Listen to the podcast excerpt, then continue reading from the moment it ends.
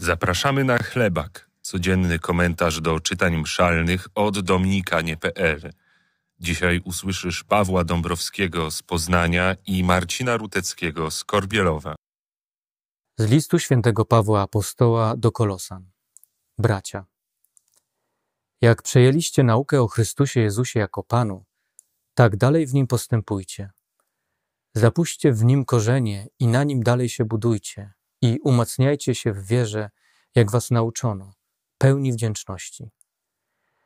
Baczcie, aby ktoś was nie zagarnął w niewolę przez tę filozofię, będącą wierutnym oszustwem, opartą na ludzkiej tylko tradycji, na żywiołach świata, a nie na Chrystusie.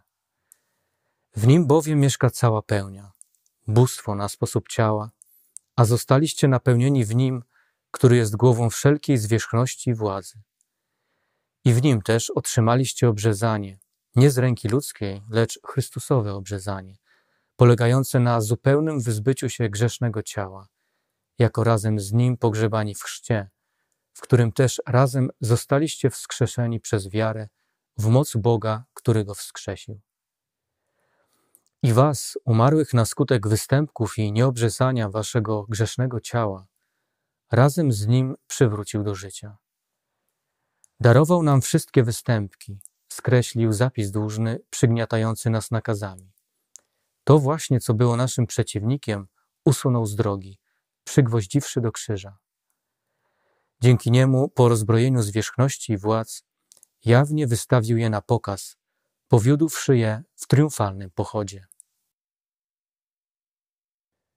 Każdy człowiek ma jakieś korzenie. I nie chodzi mi tu o genealogię, bo każdy z nas ma korzenie, czyli taki newralgiczny system, który dostarcza mu niezbędnego do życia pokarmu, a więc miłości, bezpieczeństwa, nadziei, szczęścia, poczucia sensu. Wszystkich tych rzeczy, bez których człowiek nie potrafi żyć i nie potrafi się rozwijać, bez których po prostu karłowacieje.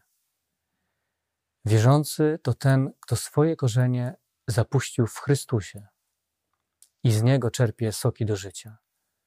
Innymi słowy, w nim znajduje swoje życie. Natomiast ten, kto swoich korzeni nie zapuszcza w Bogu, jest jak krzak na stepie, który opisuje prorok Jeremiasz. Taki krzak zamieszkuje miejsca wyschłe, ziemię słoną i niezaludnioną. I taki krzak jest właśnie nagi, bezlistny, a więc wrażliwy na wszystko, co przychodzi z zewnątrz, na każdą przeciwność, każdy ból, każde cierpienie. Taki człowiek nie widzi też, kiedy przychodzi coś dobrego. Nic go nie nasyca, nie potrafi się cieszyć i doświadcza samotności i braku sensu. Główny korzeń naszej wiary to chrzest. Jest to ta pierwotna więź łącząca nas z Chrystusem. Chrzest jak gdyby zasadza nas w Chrystusie, by nasze korzenie były w Nim i abyśmy na Nim mogli y, dalej budować, ukorzeniać się. Cała nasza wiara wypływa z korzenia, jakim jest chrzest. Wiara jest niczym innym jak realizacją właśnie chrztu, chrztu, który otrzymaliśmy. Apostoł przestrzega nas. Baczcie, abyście nie zapuszczali, nie zapuszczali swych korzeni w fałszywych filozofiach żebyście nie poddawali swego życia ludzkim pomysłom na szczęście, bo to jest niewola. Czasem trzeba samego siebie naprawdę wyrwać z korzeniami i przesadzić w nowe miejsce. I to okropnie boli, ale warto, bo tylko w Bogu jest prawdziwe życie.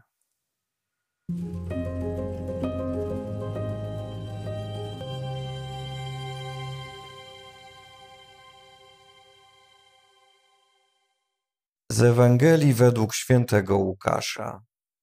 Pewnego razu Jezus wyszedł nad górę, aby się modlić i całą noc trwał na modlitwie do Boga. Z nastaniem dnia przywołał swoich uczniów i wybrał spośród nich dwunastu, których też nazwał apostołami. Szymona, któremu nadał imię Piotr i brata jego Andrzeja, Jakuba, Jana, Filipa, Bartłomieja, Mateusza, Tomasza, Jakuba syna Alfeusza, Szymona z przydomkiem Gorliwy, Judę, syna Jakuba i Judasza Iskariotę, który stał się zdrajcą. Zszedł z nimi na dół i zatrzymał się na równinie. Był tam liczny tłum jego uczniów i wielkie mnóstwo ludu z całej Judei i z Jeruzalem oraz z nadmorskich okolic Tyru i Sydonu. Przyszli oni, aby go słuchać i znaleźć uzdrowienie ze swych chorób. Także i ci, których dręczyły duchy nieczyste, doznawali uzdrowienia. A cały tłum starał się go dotknąć, ponieważ moc wychodziła od niego i uzdrawiała wszystkich. Nauczyciel i mistrz modlitwy Benedyktyn John Chapman w liście do kobiety zamężnej w książce pod tytułem Listy o modlitwie napisze tak: Módl się tak, jak możesz i nie próbuj modlić się tak, jak nie możesz. Tekst dzisiejszej Ewangelii zaprasza nas do przyjrzenia się, czym dla Jezusa była modlitwa. Łukasz w sposób szczególny interesuje się modlitwą Jezusa i wielokrotnie w swojej Ewangelii o niej wspomina. Dziś opisuje ją słowami, które przeciwstawiają się sobie wzajemnie, a zarazem dopełniają się. Mówi o dniu i nocy, o górze i dolinie. Jezus idzie modlić się nocą na górę, a potem z nastaniem dnia wraca na równinę, by głosić Królestwo Boże, by leczyć chorych, by wypędzać złe duchy. W końcu, po modlitwie, jak zanotował Łukasz, Jezus wybiera wyjątkową dwunastkę ludzi, trzon i przyszłość swojego Kościoła. Noc oznacza samotność, ciszę, a także coś dzikiego, nieznanego i niebezpie niebezpiecznego. Wejście na górę to wysiłek, to walka, a jednocześnie coraz większa bliskość nieba. Sam Mojżesz wchodzi na górę Synaj, aby porozmawiać z Bogiem, a potem schodził, by mówić do ludu.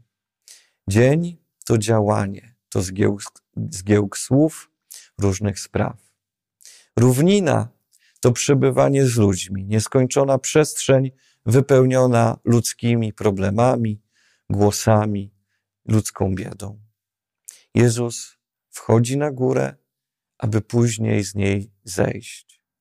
Noc przechodzi w dzień i jest czasem przygotowania do codziennego trudu. Nam potrzeba i tego, i tego. I ryzyka, i spokoju. I samotności, i tłumu. I wysiłku, i odpoczynku w Bogu. I to ma nas doprowadzić do działania wśród innych. Modlitwa Jezusa nie jest błogostanem i pielęgnowaniem swego duchowego ogródka, jakąś duchową wygodą. Czasem to bardzo trudne spotkanie z Ojcem i ogromne zmaganie, jak w Getsemani. To walka i rozeznawanie, poszukiwanie Bożej woli wśród niepewności i zagrożeń. Modlitwa Jezusa ma zawsze wyjątkowo apostolski, aktywny charakter. Jak już wspomniałem, to na modlitwie Jezus odnajduje Bożą prawdę i podejmuje najważniejsze decyzje. Na modlitwie z ogromnej rzeszy uczniów wybiera dwunastu i formułuje błogosławieństwa, a więc kładzie dwa najważniejsze fundamenty swojego królestwa. My bardzo często zastanawiamy się, czy się dobrze modlimy, a kiedy stwierdzamy, że nie, że jest wręcz fatalnie, że czas nie ten, że metoda niedobra, że kolejny raz zapomnieliśmy się pomodlić, to w efekcie w końcu przestajemy się modlić. A może trzeba modlić się tak, jak umiemy. Wtedy prostota naszego serca i jego szczerość wystarczą. Jeśli chcesz, żeby nasze nagrania były lepiej widoczne w internecie, zostaw lajka lub komentarz.